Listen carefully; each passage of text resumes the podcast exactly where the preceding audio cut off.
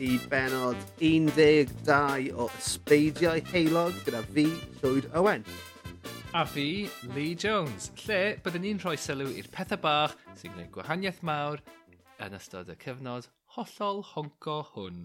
Reit e, bobl, ni yn bodlediad hollol anibynnol. So, os gallwch chi'n helpu ni trwy ein dilyn ni ar Twitter, ysbeidiau heipod yw'r moniker.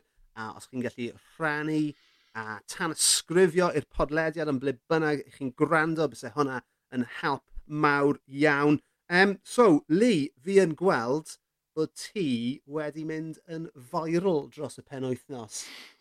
Do. What? Tim bach. Wel, nid, nid ti'n gwybod, nid viral viral, ond viral yng Nghymru, ti'n gwybod? Um, fel, fel yn yr un ffordd bod gennym ni lot o randawyr i'r podlediad yma, ti'n gwybod? Yeah, mae rhaid uh, rhoi e mewn, mewn cyd-destun, ie? Ie, ie.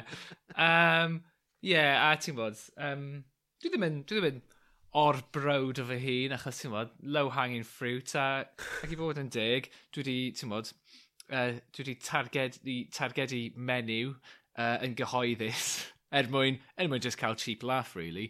Uh, nath e weithio! nath, e, nath e weithio, a A, um, bwysicach na hynny, I'm in the fucking right. So... Yeah, ti wedi, ti wedi codi pwynt da. Um, so, fel ni'n gweud, cyd-destun yw popeth. So, beth yw'r cyd-destun yma? So, mae um, Imogen Thomas, cofio hi? Um, na. Actually, fi yn. fi yn. o'n i'n fan anferth o Big Brother pan o'n i yn tyfu fyny. Achos uh, oedd e ar yn hwyr yn y nos, o'n i yn farddegau ac o'na outside chance falle gallech chi weld bronau rhywun ar y teledu. Falle ambell waith. so o'n i, ti'n gwybod, o'n i'n target audience i, i rhyw fath o, rhyw, rhyw, rhyw rhan o'r holl beth.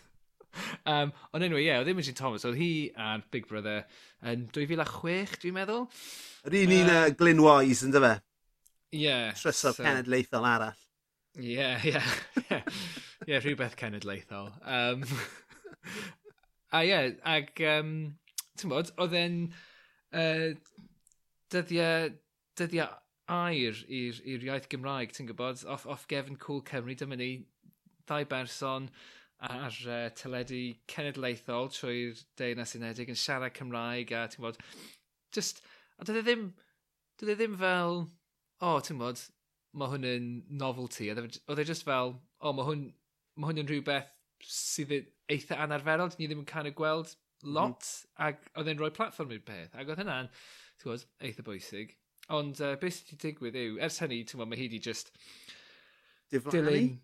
Wel, ie. Ti'n ddim, ti'n gwybod fe, ma, tan, tan bod fi'n gweld uh, y tweets yma dros y, y, y, y, y pen wythnos, o'n i, o'n i'n wirioneddol heb meddwl amdano i ers, os ti'n gweud 2006. Yn, waha yn wahanol i Glyn Wise, dwi i heb ddod ar yn radar i o gwbl uh, yeah. yn y cyfamser.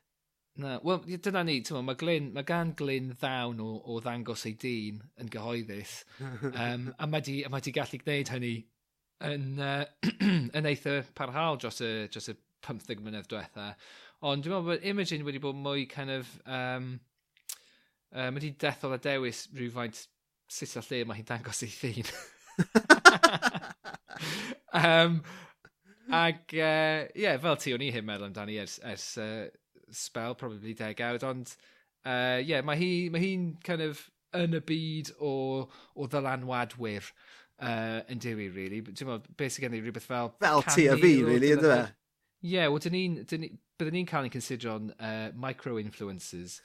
Um, Ag, uh, Am achos Susan Cox, ni. Dwi'n wedi, ie, mae yna reswm biolegol am hynny. um, ond na, ond, O na, nid fel, ti'n modd, does neb yn anfon, ti'n modd, beauty products i ti a fi na agos neu llwyd. Wel, fi just ddim wedi bod yn gweithio ti, beth sydd wedi bod yn dod drwy'r past. be, be fyswn ni'n cael fel, os ydyn ni'n... Suntan lotion i dy ben. Just het, het mawr. Ond oh ie, so, nôl at Imogen, oedd hi'n yeah. ateb cwestiynau yn rhywle ar-lein. Ar, ar, ar ei Instagram I mean, dyma, dyma'r lefel o, tymo, o, o fath o ymchwil chi'n cael gyda'r podlediad yma. Oedd hi'n ateb cwestiynau rhywle ar y we. a dyma rhywun, dyma rhywun yn gofyn iddi, how often do you get to speak Welsh in London? it was inspiring when you did on Big Brother. So fi'n cymryd taw rhywun o Gymru sydd o fod yn siarad Cymraeg. Fi'n dyfalu. yn gwrando ar y podleidiad. anyway, so shout out i, i, i ask me a question. Uh, fi'n meddwl dyna enw hi. A'r ateb, na, na i roi'r ateb i ti, a wedyn ti'n gallu, ti gallu esbonio beth ddigwyddodd wedyn. So, um, how often do you get to speak Welsh in London? I never speak it anymore. I need to brush up on it majorly. Crazy to think I'm fluent. Done all my exams in Welsh, but struggle now. It's a dying language. I don't teach my girls it anymore. My girls won't need it for a job, so I rather focus on their English. So, fi'n right. meddwl tawr, y, y, y, y peth na, ti'n mo, achos nes, nes i ddod, um, o'n i wedi cael cwpl o ddyddiau i ffwrdd o Twitter, um, tan bore ddoe. A nes i, nes i just mynd arno fe. Ac yn fel, o, oh, tyma, beth bydd yn codi fy nghalon i heddiw? a, a, literally, fucking pylon Imogen Thomas oedd y peth yma. A, ti'n mo, fi'n meddwl, y, y, peth, y peth mae pawb wedi ffocysu arna yw'r ffaith bod hi wedi gweud bod, e, bod, bod, bod y Gymraeg yn iaith sydd yn farw, neu sydd wedi, mm. sydd yn marw, yeah, dying language a mae'n ma, ma, n, ma ystrydeb ddiog sydd, sydd ddim yn wir o, mewn unrhyw no. ffordd chwaith. Ond, ond i, i bobl tu allan i Gymru, falle mae'n mae hawdd meddwl hynny, yn dwi? Be? Pobl tu allan i, i Gymru Cymraeg mae'n hawdd meddwl hynny. Ydy.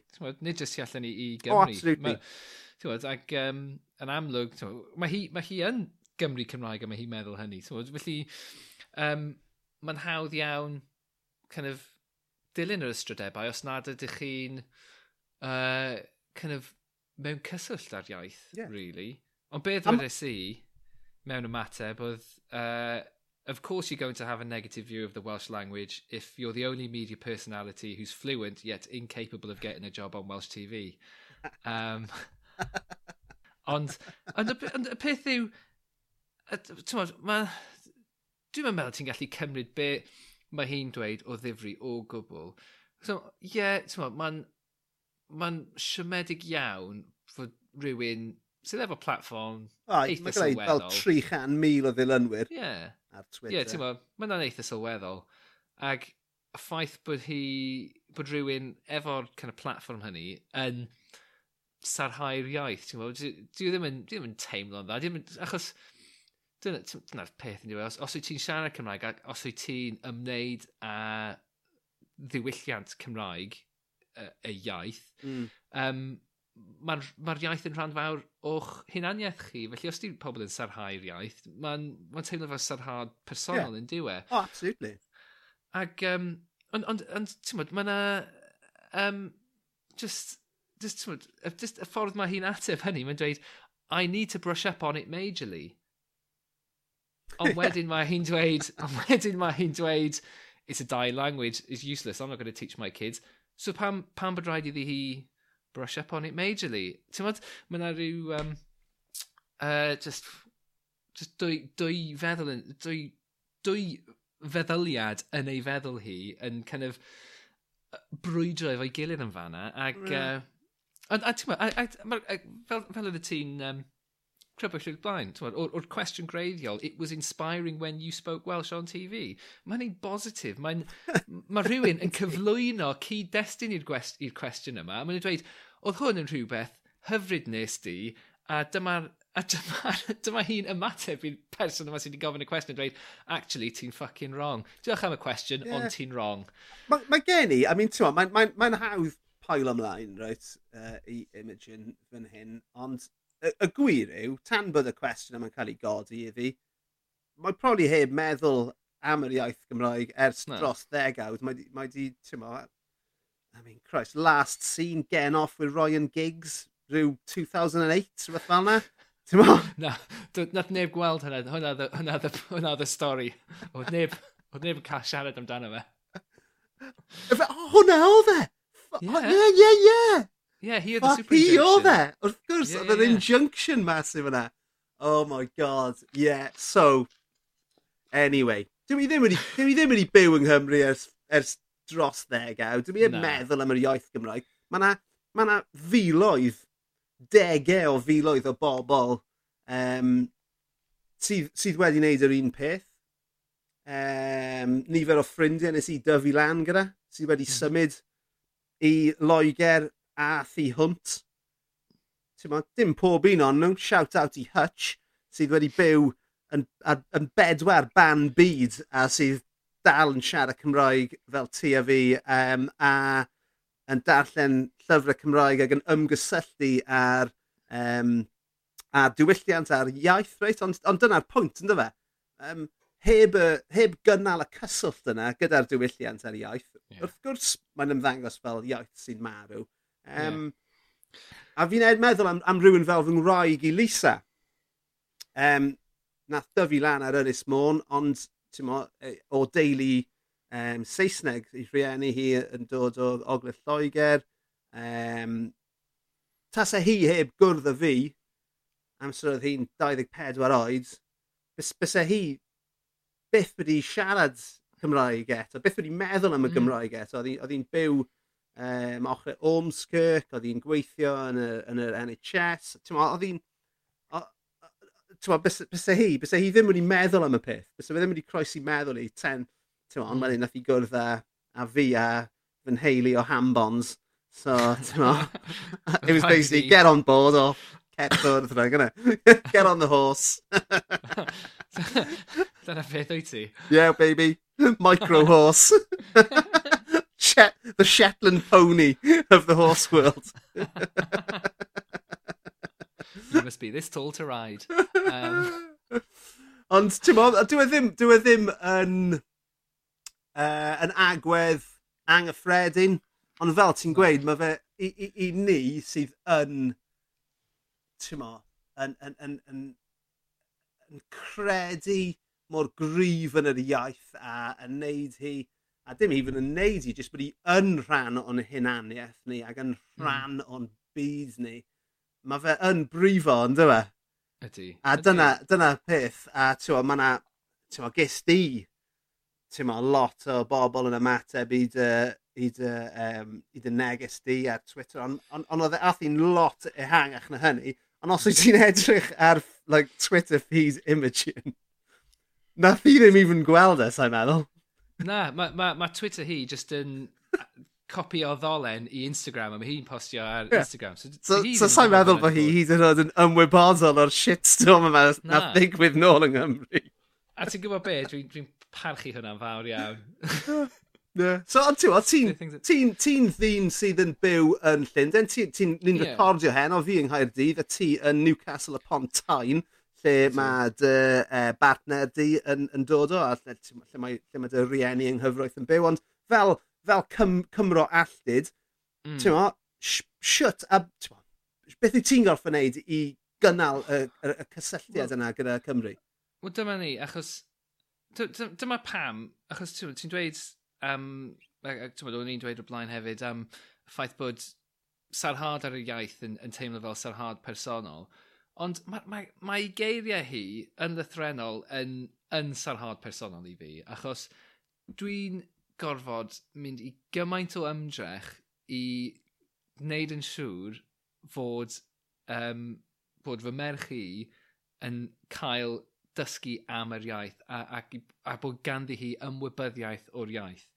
Um, Mae'n ma her anferthol i, uh, i fi gallu just siarad Cymraeg â hi a Saesneg efo fy mhartner. Hwna, hwna yn ddelfrydol, yn ddelfrydol yw beth fyswn ni'n eisiau gwneud, ond mae'n anodd achos um, Saesneg really oedd iaith y tŷ pan oedden ni'n tyfu fyny, er bod um, mam wedi dysgu Cymraeg a dad yn, uh, uh, wedi mynd i ysgol rhyd felyn. So ti'n mae'r ma ffaith bod mod i heb cael Cymraeg fel iaith yr aelwyd yn, yn, mae wedi dylanwadu arno fi'n fawr achos di ddim yn teimlo'n naturiol i siarad hi adre ar, bod, nawr chwaith. Bod, pan, pan dwi'n mynd ar Radio Cymru, mae mam yn gwrando ac yn textio fi a dweud, ti'n bod, oh, that sounded really good, you, you know, you, you, you, you, you obviously done your research. A fi fel, ti'n bod, dyn ni gyd yn siarad Cymraeg, dyn rhannu'r pethau yma yn y Gymraeg, ond nid Cymraeg dyn ni siarad efo'n gilydd. Ac, um, yeah, felly, felly pan, pan mae rhywun yn dweud, it's a dying language, I won't teach my, my daughters that. Well, hang on, dwi'n... Mae yna llwyth o bethau'n gyffredin rhwng fi ag Imogen ar hyn o bryd, ti'n modd, trwy magu plant. Maint eich bronau. Ie, ie, ie. Diolch yn fawr am sylwi. Uh, 10,000 quid nath rhain gostio. Um, and, so ni'n rhaid i dechrau'r Patreon eto please, please. Bydd rhaid i ni nawr. Ie, yeah, dwi'n gwybod. Dwi'n mewn, dwi mewn ddyled i uh, rhyw gangsters. Um, uh, anyway, so, so mae'n... Ma Um, ma, yeah, mae'n... ma tuff achos... Achos dwi'n... dwi, Dwi'n dwi yn dweud pethau yn Gymraeg i, uh, i Aida. Mae, mae hi yn dysgu pethau. Mae hi'n... Dwi hi ddim yn gwybod beth yw bread bara yw hi. Ti'n yes. Mae'n dda. Mae'n gwybod beth yw sws, mae'n gwybod beth yw North Star. Um, beth ydy'r un arall? Nath i ddysgu gair arall Cymraeg wythnos yma. Ond, uh... Cocoin. Cocoin, ie. Yeah. Nickname newydd dad. Ie. yeah. yeah. Ond y pwynt, y pwynt i wneud ydy fe yw, I mean, wrth gwrs, mae'n mae, mae, anodd i rywun sydd yn byw um, dramor, for want mm. of a better word, um, i siarad a i, i, i wneud yn siŵr bod y plentyn yn siarad Os, os un o'r rhieni um, ddim, yn, ma, ddim yn siarad Cymraeg. Achos, dos, ma, yr unig gyd-destun Cymreig sydd gyda oedr dy ferch ti yw ti, reit? Ie, ie, ie. So, a mae hwnna, unwaith mae'n gadael y tŷ ac yn mynd i'r feithrinfa neu'r ysgol neu beth bynnag, yeah, yeah. does yna ddim cyd-destun tu hwnt i, i, i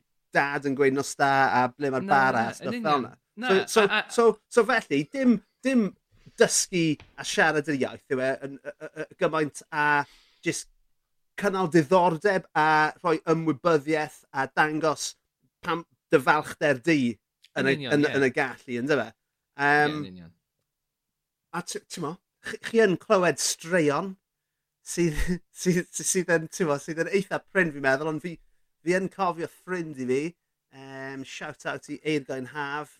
Um, mae gen fi hi ffrind neu cefneither sy'n byw yn Zeland Newydd a mae'n mae, mae briod gyda Maori a mae ma, ma nhw'n siarad Saesneg, Maori a Cymraeg ar yr aelwyd, ond mm, wow. mae'r fam wedi dysgu Maori a mae'r tad wedi dysgu Cymraeg, reit? So wedyn, mae ma, does neb yn teimlo fel bod nhw'n left out o'r peth, reis? Yeah, yeah, ie. Achos mae hwnna'n ffactor hefyd, yn dweud? Ie, yeah. wel ie, yeah, yn union, achos, achos ti'n bod, i ddechrau, o'n i'n siarad gyda Aida, ac o'n i eisiau i fy mhartner i ddeall beth o'n i'n dweud wrth i hi, mm -hmm. a mhm. ti'n meddwl, meddwl bod fi'n bod yn cute yn siarad efo'r babi yma sydd ddim yn deall dim byd. Yeah. Ond nawr mae wedi cyrraedd y pwynt lle mae'r ma, r, ma r cilch wedi troi a byswn ni ddim yn gallu cyfathrebu efo fy merch os, na, os nad ydw i'n siarad mewn Saesneg yeah. efo hi. Um, ond ti'n bod, mae pethau bach dwi, dwi yn gwneud, dwi'n dweud rhywbeth yn Saesneg, wedyn dwi'n ailadrodd yn y Gymraeg. Um, a mae hi jyst yn edrych arno fi'n syn. Ond, on, dyna sut ti'n dysgu iaith, e? ti'n clywed... Um, ond hefyd, yn, yn Llundain hefyd, reit, ti wedi sôn am hwn ar y podled yn y blaen, ti'n byw mewn ardal aml ddiwylliannol iawn, yn dwyt ti? Mae gyda ti lot o bobl uh, yn dy arddio o, o Romania a Bulgaria, fi'n cofio ti'n gweud? Ie, yeah, ie, yeah, ie. Yeah. So, yeah, ag India hefyd. Ag India. So, so amser ti'n cerdded lawr y stryd, reit? A mae hwn yn un o'r un o'n hoff bethau am, uh, mo, am, am, am, fyw mewn dinas aml ddiwylliannol fel Cydydd, mm. yw, yw clywed yr ieithoedd yma. A, yeah. ond, ond i, fel ni'n gwybod, i lot o um, fonoglots Dwi ddim yn siŵr beth yw'r gair yna yn Gymraeg. Uh, ma nhw'n... Ma nhw'n... Ma nhw'n... Ma nhw'n... Mae pobl yn clywed iaith... Iaith... Um, dyn nhw ddim yn deall. A mae ma, ma, ma rhywbeth fath o amddiffynol yn digwydd mm. iddyn nhw. A mae nhw'n fel, o, mae rhaid bod nhw'n siarad amdano ni, right? A mae hwnna, hwnna yw'r holl beth, oh, when I walked into a pub in Wales and they all turned yeah, to speak. Yeah, yeah. Mae yna ma, ma, ma, ma, ma, ma, ma, ma rhyw fath o um, ymateb amddiffynnol i, I mean, xenophobia sydd wrth roedd y peth, ynddo fe? The yeah. fear, o, the fear of the, um, of, of anything yeah, foreign, ynddo fe? Yeah, yeah, um, yeah. Ond, ti'n meddwl, gyda Aida, mae'n ma clywed ti'n siarad Cymraeg ac yn gweud geiriau Cymraeg gartref, mae'n clywed pobl yn siarad pob math o ieithoedd ar y stryd tu allan mm. i'r tŷ. A ti'n meddwl, mae hwnna'n beth da, ynddo fe? Ie. Yeah. Wel, mae hynny, hynny'n rhan ohono fe. Ers symud, ers symud, achos ni'n byw ym Manceinion am, am flynyddoedd, ond pan nes i symud i Lundain, mae'r aml ddiwyllianolder yma. Close enough? Yeah. Um, Mae'n ma bodoli a mae ma gwmpas chi, a ma, nath hynny kind of troi rhywbeth, nath hynny um, bod, ysgogi rhywbeth ynddo fi, a meddwl, ah, ti'n bod, neud i fi ystyried pwy ydw i yn y ddinas fawr yma. Mm. Um, a, ti'n bod, a, a peth, peth arall, a mae ma, ma rhaid i fi roi shout-out Hugh Stevens, achos i fi yn bersonol, Um, pa, pan oedd Hugh yn byw yn Llundain, roedd Hugh yn weithgar iawn at cael Cymru at ei gilydd. Oedd yn neud not on the social oedd e? Ie, ie, ie, ie. Ac oedd e'n, wel, oedd e'n rhoi gig ar, gig ymlaen un, unwaith y mis, ac uh, e, oedd e'n rhoi llwyfan i, i fandiau o Cymru. Nid, nid just artistiaid o Gymru, ond... Ond na wastad e un ar y bil, ie? Yeah? Ond, ond ti'n gwybod, pethau arall fel, ti'n gwybod, um, bore goffi ar uh, uh, diwrnod Dewi Sant i pobl Cymru. Mod, dim, dim ots os ydyn nhw'n siarad Cymraeg neu ddim, ond just pobl o Gymru, yeah. pobl efo cysylltiad i Gymru, i cwrdd â'i gilydd. Ag, ag uh, mod, mae hi wastad i bod uh, yn weithgar iawn o, o ran hynny pan oedd e'n byw yn, yn Llundain. A nes i gwrdd â hiw trwy hap. Um, o'n i'n gweithio ar stondin mewn marchnad um, cerddoriaeth i labelu uh, annibynnol. A nath e ddod i stondin a nes i ddechrau siarad a fe trwy'r Gymraeg. A wedyn nath e ofyn i fi fod yn westau ar ei raglen Radio Cymru achos, o, oh, dyma ddifur, rhywun yn gweithio yn Llundain yeah. uh, sy'n siarad Cymraeg. Ag, Ac dwi'n meddwl oedd hynny ar mis Mai rhyw flwyddyn ac o'n i ddim ar y raglen tan mis Medi, dwi'n meddwl, neu rhywbeth fel yna. So gen i'r cyfnod yma lle o'n i'n gorfod ystyried, hang on, ymeiliad, dwi ddim yn siarad Cymraeg trwy'r amser. Um, actually, dwi heb siarad Cymraeg ers bron i ddegawd. So, ydw i'n mynd i fynd ar Radio Cymru a dangos fy nhyd i bawb, neu ydw i mynd i ymroi fy hun rhywfaint i ddiwylliant Cymraeg ac i, ti'n bod, trio gwella fy hun rhywfaint. A dyna, dyna gyd nes i, oedd just dechrau gwrando ar un raglen Radio Cymru yr wythnos. Ti'n meddwl, beth bynnag oedd hynny. Falle, dwi'n meddwl, falle o'n i'n gwrando ar um, raglen Hugh ar y pryd. A just cynnal sgyrsiau yn fy mhen trwy'r Gymraeg. A wedyn, pan dwi'n cyrraedd gair, lle dwi ddim yn gwybod y gair Cymraeg amdano fe, just dysgu beth oedd y gair hynny a, a ehangu'r geir. A dyna beth dwi wedi bod yn gwneud ers rhyw saith mlynedd. Yw, Edrych a- a- arno ti nawr. Wel ie, yeah, a nawr dwi'n uh, media wanker Cymraeg. So, na i edrych fyny beth i media wanker ar seiriadau prifas, uh, Prifysgol Cymru, ond uh, dyna fi. ond... Just thyn on y tîm. Ie, ie. Ti a fi yn, yn snogio. ond No, on, no, diddorol, diddorol iawn, men. Diddorol iawn. Y peth arall ni'n mynd i ddweud yw, um, dros y flwyddyn diwetha, oherwydd Covid, um, mae hynny really wedi um, rwystro'r rhwystro fy ngallu i i kind of dysgu Cymraeg i Aida oherwydd um, mae ma Canolfan Cymru Llundain, maen nhw wastad yn, yn gwneud gweithgareddau trwy'r trwy Gymraeg a ti'n bod, maen nhw'n cael pobl off cyw i lawr i performio, ti'n bod, just fenyw arall ar y circuit yw Cynolfan Cymru Llundain. Yeah. Um, mae just digwydd bod cant a hanner milltir i ffwrdd o, o unrhyw un arall. um, ond ti'n bod, mae pethau fel hynny'n digwydd, mae yna um, cylchodd meithrin a ti'n tymod, grwpio chwarae a pethau fel yma. A Mae'n gapel Cymraeg, nag ys e? Nag yna gapel Cymraeg? Fi'n cymryd bod ti'n ti eistedd yn y set fawr bob di syl i ti? Be, set, set diw, wrth gwrs. y, y set fawr. Ie, yeah, um, yeah. ond no, on, well, dyna lle mae un o'r... Um, mae yna ma na, well, ma cwpl o, o gapeli Cymraeg, actually. Ond mae yna ma, eglwys Gymraeg um, just off Oxford Street Wyt ti 50 llath i ffwrdd o Oxford Street ac yn fan am, yn fan am yna Cilch Meithrin um, unwaith yr wythnos. Um, Ond mae'r peth yma i gyd wedi dod i stop, ti'n meddwl? Yeah, ie, yeah. So, so, so dwi, ti'n meddwl, y, y, y cynllun oedd, o'n i'n mynd i gymryd uh, bore mercher off unwaith yr wythnos er mwyn, uh, unwaith y mis, er mwyn cymryd hi i fanna, just, i allu chwarae trwy'r Cymraeg. Ond, Beth ti eisiau neud yw just amser mae'n mynd, i, mynd i gysgu yn y nos yw jyst roi'r podlediad ni arno yn y cefnir. na, na roi, na roi does dim gair Cymraeg yn random. Na, mae'n roi does dim gair. Mae'r sain, mae'r lefelau sain bach yn dodgy ar random. A mae'r mae lefelau sain lot gwell ar hwn. Ac wrth gwrs, fi'n clywed... Uh, falle, na, Wel na, falle na i wneud, um, na roi uh, uh, Betty a'i phobl arno iddi, fel bod ni'n dechrau siarad fel Betty George pan mae'n tyfu fyny. Na beth ni gyd eisiau wrth yn plant, yn dyfa i bod. Ie, yeah, ie. Yeah. Dyna safon. Ie, yeah, clas. So, ti'n mo, ti'n mo, os mae os mae, os mae Imogen a Glyn yn gwrando ac eisiau dod ar y podlediad fel gwestai, so yna'n gret yn mysle. Absolutely. Wel, dyna, dyna be fysyn ni'n... Os o'n i'n comisiynydd o rhyw fath, byswn ni yn cynnig arian i Imogen i, i sgwennu erthigol i cyfiawnhau ei hun, fel bod hi just yn, ti'n modd, rhagrithiwr. Ond, o, to, mae hwnna'n ma 200 quid well spent, fyswn ni'n dweud. I, i roi 200 quid i Imogen er mwyn iddi hi dadle dros y ffaith bod yr iaith yn marw trwy'r Gymraeg. Good luck, mae hwnna'n fucking hilarious. Yeah, looking at you, Garmon Golwg Ceiro. Go for it, man.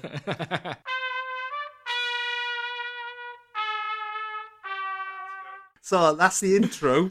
Um, yeah. Nawr yw'r nitty gritty nesaf. So, fel ni'n gweud ar top y raglen, ni'n ni, ni, ni, ni rhoi sylw i'r pethau bach sy'n gwneud gwahaniaeth mawr yn ystod uh, cyfnod, wel, diwedd y byd yma. Um, so, Lee, beth sydd wedi bod yn gwneud ti'n hapus uh, yr wythnos hon? Wel, Llwyd, uh, yr wythnos yma, dwi wedi gadael Llundain. Um, dros dro. Uh, just, just i troi fy nghefn. Just, yeah. i, just i cerdded allan ar y teulu, just i cael o'n bol ar holl beth. Di cerdded at y môr a cario ymlaen. Ti, um, ti, ti yn dy gar, ti ddim yn gwisgo uh, sanau a ti'n bwyta pimp Toblerone. Dyna fi. Just yn mynd yn gwmpas yr, yr M25. Neu laps. Um, na, dwi di dod i Newcastle upon Tyne, fel nes i ddweud o'r blaen. Uh, i ymweld ar uh, yr in-laws, achos dyma lle mae mhartner i'n so efe, honni. The, the in-laws ti sy'n neud ti'n hapus? Uh, na ge, na ge. Uh, Dyn nhw ddim yn siarad Cymraeg, dwi'n ffain i ddweud. Na, y peth, y peth sy'n neud fi'n hapus yw um, just cael, just cael change bach. Um, Ie, yeah, a dyna ni, achos ma'n, oh my god, achos just, just, ti'n gwybod, achos mae gen ti, ti'n gwybod, yn lythrenol milltir sgwar, wel mae mwy fel hanner milltir sgwar ar, ar, ers y, y flwyddyn diwetha yn diwy, a ti'n gwybod, ti'n mynd i'r un siops o hyd ac o hyd, ti'n mynd, i, ti'n gwybod, ti'n mynd am dro yn yr un parc, a ti'n gwybod, o, oh, beth ni'n mynd i, falle na i wneud, falle na i cered o gwmpas y ffordd arall y tro yma. oh, god, ti'n gwybod, mae di bod yn ddiflas, a mae, mae di, a, a, just yr angen i just gweld pethau newydd gweld pobl gwahanol. Achos, ti'n gwybod, yr unig pobl dwi wedi gweld ers, um, wel, ers, dwi'n meddwl, wel, ie, yeah, ers tua, ers tua mis hydref diwetha, yr unig bobl dwi wedi gweld yw um, brawd a chwaer um, fy mhartner a'i plant nhw. Um, a ti'n gwybod... Mae nhw'n hynny... absolute assholes. Wel, dwi ddim yn hoffi... Swn eisiau ateb hynny. Na, ond, ond y thing yw, ti'n gwybod, achos ni heb gallu gweld um, y nines a'r tides, no. a'r mam gys a'r tad keys, so dyn ni wedi bod ar ben yn hunain, a mae wedi bod yn ffucking anodd. Mae wedi bod yeah. mor anodd. Um, just pob diwrnod, yn union yr un fath, ti'n gwybod, Does dim ots os ti'n penwythnos neu beidio, achos mae rhaid ti dal codi efo plentyn am chwech o gloch y bore os dyn nhw'n ddwy flwydd oed. A fi jyst bod yn union yr un fath, a mae wedi bod mor just... Dwi'n caru fy merch, mae hi yn amazing, a fes ni ddim yn... Mae yna ond yn dod fan hyn. Fes ni ddim yn gallu byw heb ddi hi, ond, ond mawr. There is. Ond ffucking hell, llwy. Ti'n gwybod be mae fe fel? Haid cael plant sy'n mynd i wneud fe. Too late. Nath rhywun dweud, cyn i ni gael plant, nath rhywun dweud i fi, um, it's simultaneously, cael plant, simultaneously, the best and worst thing that will happen in your life. Fe fi'n ddefbyn ar ti. Fi'n spawsio o'n trwy'r amser o'r ffrindiau sy'n cael plant. Mae'n hollol wir, oes? Ydy, achos mae'r pethau sy'n mae'r pethau sy'n amazing yn amazing, mae'r pethau sy'n sy'n shit, mae'n god, mae'n literally yn shit. Yeah. yeah. Ond, ond ie, ti'n ti'n dwi wedi angen y, y newid yma, achos mae, ti'n So gwerthu ni mwy am Newcastle upon Tyne. Ti di gwerthu fi lle wyt ti? Ti'n ti, ti really agos at ganol y ddinas. Um, dim cweit yn y lle mwyaf death metal ym Mhrydain, Killingworth, ond uh, ti yn... Wel, y lle, lle mwyaf black metal yw uh, Wall's End, and Wall's End, dyna lle nath nhw recordio album cyntaf Venom, F1. no way, so mae gen ti Wall's yeah. End, Killingsworth, a ti yn Dosforth. Ie. Yeah, ti ddim yn bell o'r afon Tain. Ti ddim yn bell o Whitley Bay ar môr. Na, so beth ti wedi bod yn neud, man? Ti wedi bod yn, ti wedi bod yn crwydro? Ti wedi bod i weld y môr? Ti wedi bod am dip? Ni...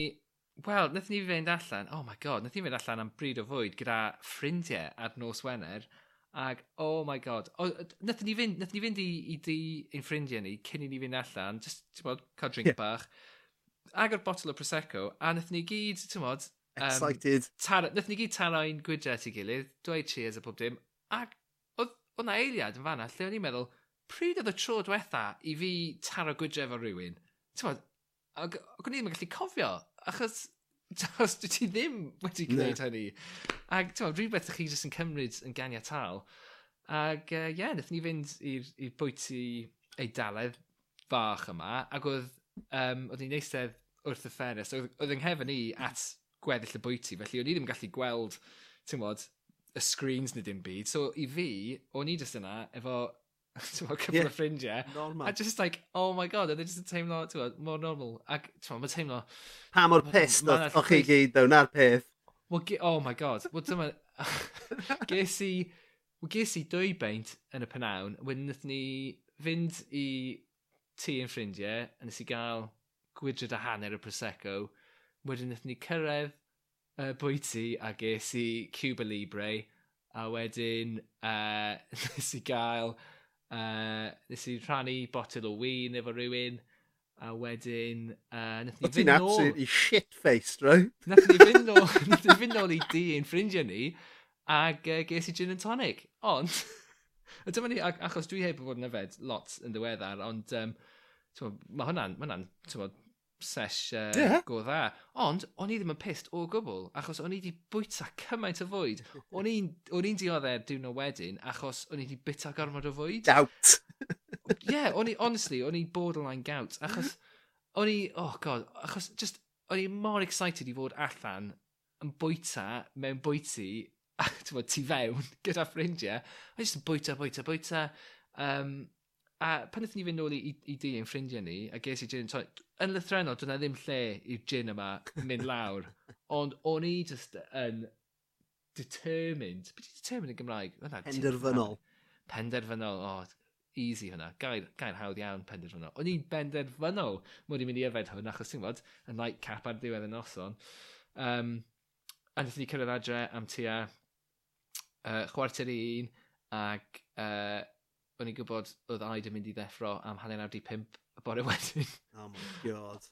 Uh, ond nath i ddim, nes i ddeffro am hanner awd i pimp gyda poen yn fy mol achos ni wedi bwyta gormod. Classic. Uh, a nath i gysgu am rhyw tri chwarter awr wedyn. Ond, ie, uh, yeah, just bod, bod allan, gweld ffrindiau, just gadael, gadael Llundain, bod, dwi, dwi, dwi ar yn, yn holidays rhywfaint yeah, ar hyn nice. o bryd. Yeah, man. Um, a mae'n neis, nice, dwi'n meddwl dwi'n mynd i mynd uh, i lan y môr ar dydd, ar dydd mercher. So, just pethau bach. Y yeah, pethau bach sy'n neud gwahaniaeth yeah. mawr, met. Yeah, yes. wedi gwneud gwahaniaeth anferth i fi. So, Good. Yeah.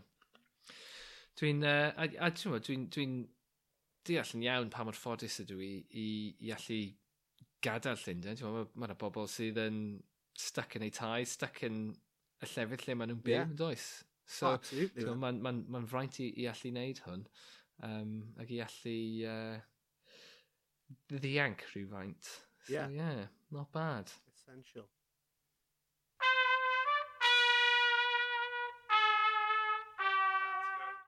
Dyna fi te, yn siarad fel melyn bipur. Uh, dyna chi uh, idiom hyfryd. Uh, heb glywed unrhyw un yn dweud hynny ers, uh, ers spel. Beth amdano ti, Lloyd? Ti wedi clywed rhywun yn, yn siarad fel melyn bipur? Dim ers i, dim ers i mam gi i farw. so, so dyna fi fel melyn bipur, Beth sydd wedi uh, be sy cadw ti'n hapus? Beth sy'n gallu gwneud i ti siarad fatha melyn bipur? Wel, wel, um, mae ma hwn, ma hwn yn rhywbeth sydd wedi bod yn neud fi yn hapus ers blynyddau a dweud y gwir, ond mae jyst yn rhywbeth fi'n caru. Mae ma fe'r... Y, y raglen dyledu sydd yn neud i fi chwerthin fwyaf yn hanes fy mherthynas i gyda raglenni teledu. Does dim sitcom, sketch show, ffilm erioed wedi gwneud i fi chwerthin ac i wneud i fi deimlo'n mor hapus ag ydw i pan dwi'n gwylio Taskmaster sydd yn ei unfed gyfres ar ddeg ar hyn o bryd. Mae'n dod i ben, fi'n meddwl, nos iau wythnos, yma. Wythnos diwetha, ti wedi colli'r ffainal. O, ti'n meddwl, wel, fi, fi cwpl o wythnos y tu ôl, so yeah. sa eisiau clywed unrhyw oh spoilers, oh ond fi cwpl o wythnos y tu ôl. Ond honestly, fi yn caru Taskmaster. A amser nag yw e ar y teledu, dwi'n teimlo rhyw wacter yn, fy, mm. yn fy mywyd. Um, Mae'n... Mae'n... Mae'n... Mae'n... I suppose, cyd-destun sydd angen fan hyn, achos mae ro, ma roi pobl uh, anffodus, neu ffodus, actually, achos nawr chi'n gallu mynd i wylio un ar ddeg cyfres o Taskmaster. Ond i roi cyd-destun, uh, uh, mae'r gyfres Taskmaster yn cael ei um, chyflwyno gan Greg Davis uh, gyda help Alex Horn, uh, bob penod, neu bob cyfres, dylsyn ni ddweud, mae yna bimp uh, well, comedians gan fwyaf uh, yn cael eu herio i wneud tasgau gwahanol. Maen nhw'n cael pwyntiau, maen nhw'n ma nhw, ma, a dros y gyfres wedyn chi'n cael enillydd pob penod a enillydd y gyfres gyfan. Um, Alex Horn, nath greu uh, Taskmaster fel uh, fel sioe fyw i fynd i Gaeredin yn 2010. So oh, ath yeah. ar, ar cysyniad yma uh, i, fi'n meddwl taw fe, o Tim Key fi'n meddwl, y comedian arall, yeah, fi'n meddwl, Key, yeah, a, yeah. a rhywun arall, a wnaethon nhw wneud y sioe Taskmaster yma uh, yn fyw ar lwyfan yng Nghaeredin. Bum mlynedd yn ddiweddarach, wnaethon nhw gynhyrchu'r gyfres gynta a rhyddhau'r gyfres gynta yn 2015. O'n i'n teimlo fel bod, wedi, bod y gyfres wedi bod ar y teledu ers o leia degawd. Ond wrth mm. gwrs, maen nhw wedi bod yn gwneud dwy gyfres y flwyddyn ers 2015. Ie, ie, ie. Um, so mae Alex, gwybod... ma, ma Alex Horn hefyd, boi clyfar effernol, mae fe'n mm. chwarae fel y sidekick, y straight man i Greg Davis, uh, fath y coc yn hitio. Ond fe sydd wedi creu'r holl beth. Fe sy'n cynhyrchu fe, fe'r showrunner. Um, fe, ma... fe sy'n gwneud y cerddoriaeth i gyd? Ma fe'n... Ma fe a, a hefyd, mae Taskmaster wedi cael ei werthu o gwmpas y byd mewn Do. loads o territories. Mae Alex Horn wedi gwneud miliynau off uh, Do. Kevin Taskmaster. A ti'n gwybod be? Sa'n sa sa sa dal dig mewn unrhyw ffordd, mae'n heiddi pob ceiniog. Um, Wyt ti'n gwybod beth? Wyt ti'n gwylio fe, Lee? Wyt ti'n gwylio Taskmaster? Dwi yn fucking caru Taskmaster. Yeah. Um, a i, i roi flas ar y fath o beth sy'n digwydd os, os, os does rhywun ddim yn, ddim yn gwybod. Wyt ti'n gwybod beth oedd y tasg gyntaf yn y sioe gyntaf yn, y, yn Nghaeredin? Na. Y tasg gyntaf oedd, uh, here are the taskmaster's bank details. The person who deposits the highest amount wins. so, Amazing. A dyma, tyma, a dyma, dyma, tyma, mae'n ma, just yn, just yn really funny a tyma, mae ma pobl yn cael pwyntiau am trio plesio'r taskmaster a ti'n gwybod, a, a hyd, bod, os di pobl yn embarasio eu hunain er mwyn trio cael pwyntiau, ti'n mae pethau fel yna mynd, mynd ar draws yn dda, felly maen nhw fel arfer yn cael pwyntiau. Mae yn, ma, um, be fi'n caru amdano fe, mae rhywbeth ti'n gweud, mae fe'n ma fe lefler, right? Mae, mm. ma, hmm. Does dim ots pa mor cool yw'r fath o, y, perception o'r, o, o bob comedian sydd arno fe uh, y pimp sydd ar bob cyfres, mae'r ma, ma, ma tasgau'n leflo pawb, right? A yeah. yn, yn aml, be chi'n gweld yw pobl yn colli hi'n llwyr a colli eu pennau'n llwyr achos bod y dasg, mae'r dasg yn gallu bod yn gymleth neu'n syml, ond yn aml chi jyst yn gweld pobl jyst yn mynd i ddarnau o flaen eich llygaid. A mae yna ma, ma rhywbeth mor hyfryd amdano hwnna.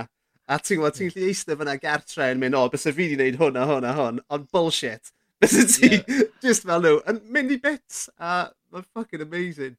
Mae'n yeah, really... Dwi'n meddwl, pa, pan dwi'n gwylio, y pethau creadigol, dwi jyst yn meddwl, fyswn ni'n ffucked efo reina. Os dwi rhywun yn dweud, ti'n modd, mae rhaid i ti adeiladu rhywbeth, dyma hmm. beth sy'n gennych chi, fyswn ni'n meddwl, no chance, dwi'n gwybod. Os, ond os oes rhywun yn dweud wrtho fi, ti'n modd, be, rhywbeth fel, bitwch tri Weetabix mewn munud, fyswn ni'n, all right, fine. Twbob, mae hwnna'n eitha syml yn diwedd. Does dim rhaid i chi fod yn creadigol o dan bwysau. Ond os oes rhaid i, os oes, os o'n i, ti'n bod, yn gorfod fod yn creadigol o dan bwysau, fyswn ni'n fyswn ni'n bycla pob tro. A does dim syndod bod pobl yn cael meltdowns arno fe. Na, dim o gwbl. I mean, mae fe yn ffantastig o, o, o gyfres. A maen nhw hefyd yn neud, mae'r ma, ma sioe wedi symud o Dave i Channel 4 ar mm gyfer, ar ôl naw cyfres ar Dave, mae wedi mynd i Channel 4. A mae Channel 4 yn, yn aildori pob penod fel family friendly version, chi'n gallu gwylio gyda'ch mhm. plant mm -hmm. ar brawn di seal hefyd. Mm. So, a does ah. dim, does dim lot o profan, mae yna bach o regi yn fe na gyd, Oes. ond maen ma nhw'n neud, ma nhw neud family friendly uh, version a ie, yeah, mae yna just, mae yna just, ti'n fi just eisiau, wel, yn gyntaf, bys ni, mae rhaid i fi roed shout out i fy ffrind Al T, Achos fi ag Al wedi gwylio pob penod o Taskmaster gyda'n gilydd. That is, that is our thing, right? A fi'n caru fe gymaint bod fi wedyn wedi wneud i Lisa wylio dim pob un ond on, on, on, on cwpl o gyfresu gyda fi, so fi wedi hmm. gwylio nhw ddwywaith. Fi hefyd wedi mynd nôl a, a gwylio o'r dachrau i weld i weld faint mae wedi newid dros, dros y, y cyfresu. A yeah, yeah, yeah. os ei di nôl yr un cyntaf, mae ma, ma, ma, ma fe i gyd fyna, mae'r ffo y fformat yw'r peth, reit? So yeah, mae'r yeah. fformat yn, yn, yn amazing, mae fe'n berffaith. Ond, wrth fel, fel, fel sy'n digwydd gyda rhaglenni teledu, mae ma pethau'n mynd mwy slick dros, yeah. ma, ma nhw, wrth bod nhw'n gweithio allan be maen nhw'n neud, mae pethau'n llifo yn well, a ma, a, a, a, so mae'r gyfres gyntaf, mae'r ma, ma line-up cyfres gyntaf yn, yn cynnwys Romesh Ranganathan, uh, Russell Howard fi'n meddwl, Nag e, Josh Frank Widdicombe, Frank Skinner, tymo, Tim Key, a uh, efo Rosin Conahy, Conaty, um, fi'n meddwl. Yeah, Roisin Connerty, dwi'n meddwl. Roisin yeah, yeah, Connerty, yeah. So tymo, fucking line-up's amazing. Ond, um, ond, ond mae'r ma, ma gyfres gyntaf, os ti'n mynd nôl ati ar ôl gwylio'r uh, unfed, uh, uh, uh, degfed i'r unfed gyfres ar ddeg, mae'n mae teimlo'n araf. Um, mm. Mae dal yn, mae dal yn, it's still, mae ma Romish Ram Gynnaethon, bys ni'n off i gweud, mae Romish Ram Gynnaethon yn y gyfres gynta yn anhygol o ddoniol. Um, a a fi'n fi hoffi'r fi hoffi um, y, y cymeriadau sydd, sydd yn, yn treol wneud e allan maen nhw ddim rili'n really poeni am uh, fath o am beth sy'n digwydd. So mae gen ti Romesh yn wneud hynny. Paul Chowdhury yw un o'r bobl, o'n i byth wedi clywed am Paul Chowdhury cyn bod fi'n gweld e ar Taskmaster. A mae ma fe un o'r bobl mwy o ffynnu yn y byd. Ti'n gwybod, ti'n cofio Paul Chowdhury? Ydw, ydw, ie, ie. Mae fe'n anhygoel o sych. Ffynnu yn ddiymdrech yn diwedd, e? yeah. mae'n amazing. Ac oedd, oedd, um, a fi'n hefyd yn cael, mae ma gyda nhw, to, mae nhw'n, mae nhw'n, mae nhw wastad hen, hen berson, person hun oes. arno fe, roes? Ond mewn un cyfres, sa'n lli gofio pa gyfres, wnaethon nhw roi Joe Brand a David Badil arno. A mae fe'n peth mwyaf ffocin ffynnu yn y byd. Cos yeah. they honestly, oedd ddim, o'n nhw ddim yn poeni mewn unrhyw ffordd beth no. oedd fath o e, uh, canlyniadau'r peth, ond nhw just fyna yn cael laff. Um, yeah, so mae ma jyst yn amazing. Ma fi, fi, yn bersonol, fi'n meddwl taw um, cyfres chwech a cyfres saith oedd yr um, cryfa i fi. O ie, o'n i'n mynd i ofyn os oedd gen ti hoff gyfres. Ie, yeah, mae cyfres 6 a 7 yn anodd curo. Um, so cyfres, cyfres 6... Cyfres 6, uh, Alice Levine, Asim Chowdhury, sef... Oh, Ie, ngofio enw fel, people just do nothing. Um, Lisa uh, Taber... Jibadi G. Jibadi G, dyna fe, sorry. Yeah. Lisa Tab, Russell Howard a Tim Vine. Classic o, o gyfres. A cyfres 7, James Acaster, Jessica Knapp, it's Kerry Goodliman Phil Wang a Rod Gilbert a mae'n troi allan bod Rod Gilbert a Greg Davis yn ffrindiau rili really da a yeah, mae Rod yeah. yn chwarae fel practical jokes wythnosol ar Greg Davis trwy gydol o gyfres. Mae'n ffucking hilarious. Yeah. A mae Phil Wang, Wang by name, Wang by nature. Cos mae fe'n ma fe, ma fe gwisgo fel all-in-one catsuit fel mae Uma Thurman yn Kill Bill. Ond chi jyst yn, mae, mae jyst i, mae goca ar ddangos trwy gyf... trwy cynnod, trwy gydol. Am y ddeg penod. Oh my god, honestly, lush. A o'n i'n meddwl, chwarae gyda ti, heno, Lee, um, gêm fach o fantasy, fantasy Taskmaster Cymraeg. Mm. Achos, fi wedi siarad gyda fy ffrind Beth Angell sydd yn gynhyrchydd ac yn gyfarwydd y tyledu, a mae hi caru Taskmaster hefyd, shout out i Beth. Um, a, a ni'n ni siarad, pam, a fi'n fi, fi, fi, meddwl bod fi'n iawn, peidiwch, don't quote me on this, ond fi'n meddwl bod fi'n iawn bod Beth wedi edrych mewn i'r posibilrwydd o gael yr hawliau a wneud rhywbeth ar S4C. Nawr, mae'n no-brainer, right? achos ma, ma, fel ni'n gweud yn gynnal, y fformat yw'r peth, mae'r fformat yn mynd i weithio. Um, Chi'n chi, chi cael cyfuniad o westau, um, a, a, a mae'r fformat mor gryf, chi ddim yn mynd i fethu. Mae'n ma, ma, ma, ma, ma, ma mynd i fod yn ddoniol. A beth sydd angen arnoch chi wrth gwrs i ddechrau yw mae angen taskmaster arnoch chi. Rhywun i, i arwen pethau um, a'i sidekick e. Nawr, yng Nghymru, bys e Tudur Owen a Dyl May yn ffitio rôl yna'n berffaith.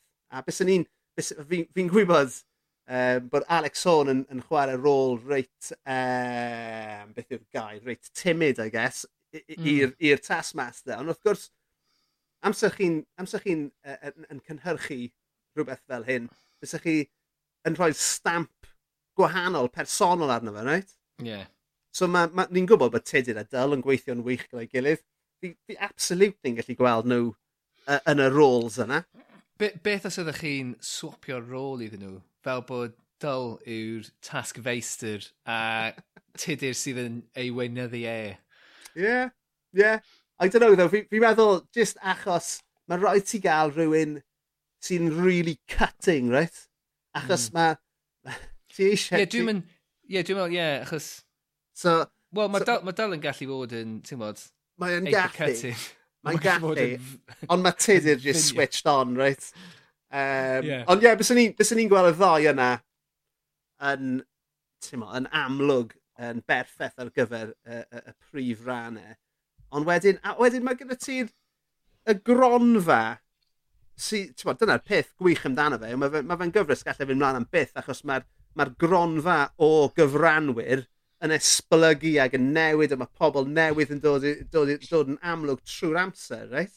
Mm. So, yeah, yeah, yeah. mae'n ma, ma ddi ben draw, right? So, so os ti'n meddwl am fath o the, the, the older citizens bys y ti'n gallu cael, right? Bys y ti'n gallu Bys ti'n gallu cael rhywun fel Bryn Terfel arno fe? Fel falle bys y Bryn ddim yn y... Sir Bryn ddim yn cytuno, ond ti'n meddwl, rhywun fel na, rhywun sy'n fodlon, rhywun, rhywun falle sy'ch chi'n meddwl sy'n sy, berson difrifol ond sy'n hefyd yn fodlon cael laff, right? Ie, ie, ie. Ti'n meddwl, bys e rhywun, ti'n meddwl, hyd yn oed Hugh Edwards yn, yn, yn, yn ffitio'r bel yna.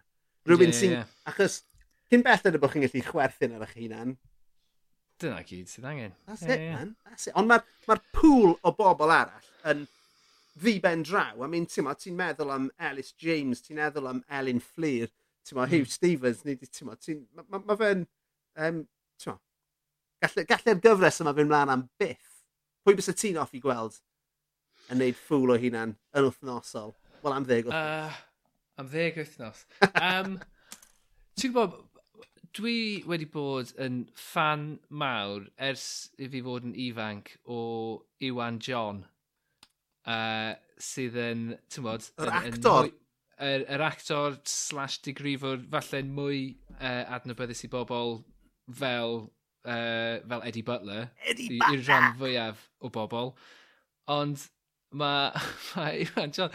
Mae ma, ma, ma di kind of dod nôl i, i fy fy ymwybyddiaeth yn ddiweddar yw ei ddynwarediad e o e, uh, Cath Jones ar um, Pobl y Cwm. Go on. So, nyg ymag ni na threat with a blicker flipper. Oedd hwnna'n...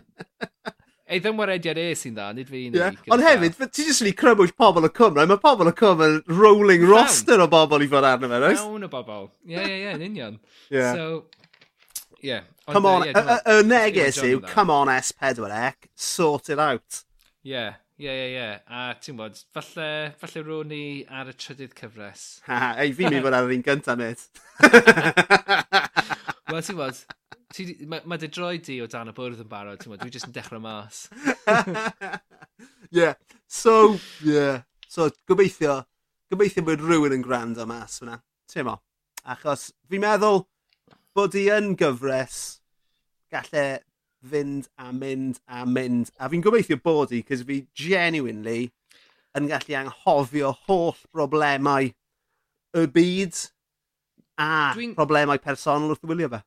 Dwi'n dwi, gwylio fe o hyd ac o hyd. Pan dyn ni'n eistedd lawr i cael ein swper ni, dyn ni'n fel arfer yn gwylio raglen o Taskmaster, ac un random, ti'n bod, o, pa gyfres ti eisiau gwylio, o, ie, yeah, un yma, o, mae hwn, o, mae gyfres yma'n eitha wan, beth am hwn, ti'n bod, o, oh, ti'n heb weld y gyfres yma am spel, a ti'n jyst yn gwylio nhw ar hap. Yeah. A, a mae'n...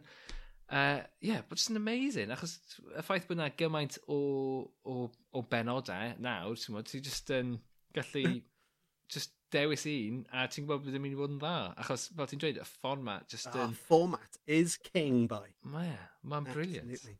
Amazing. So yeah, Taskmaster, change of scene, y diwedd.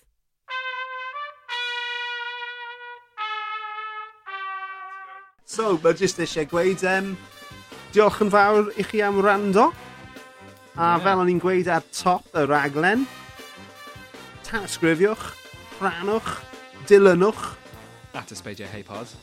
At ysbeidio heipod. A tan y tro nesaf, hwyl fawr wrtha i. Ag wcwcw gen y fi. Ta-ra. Classic. 这个你们现在谁打算打我都。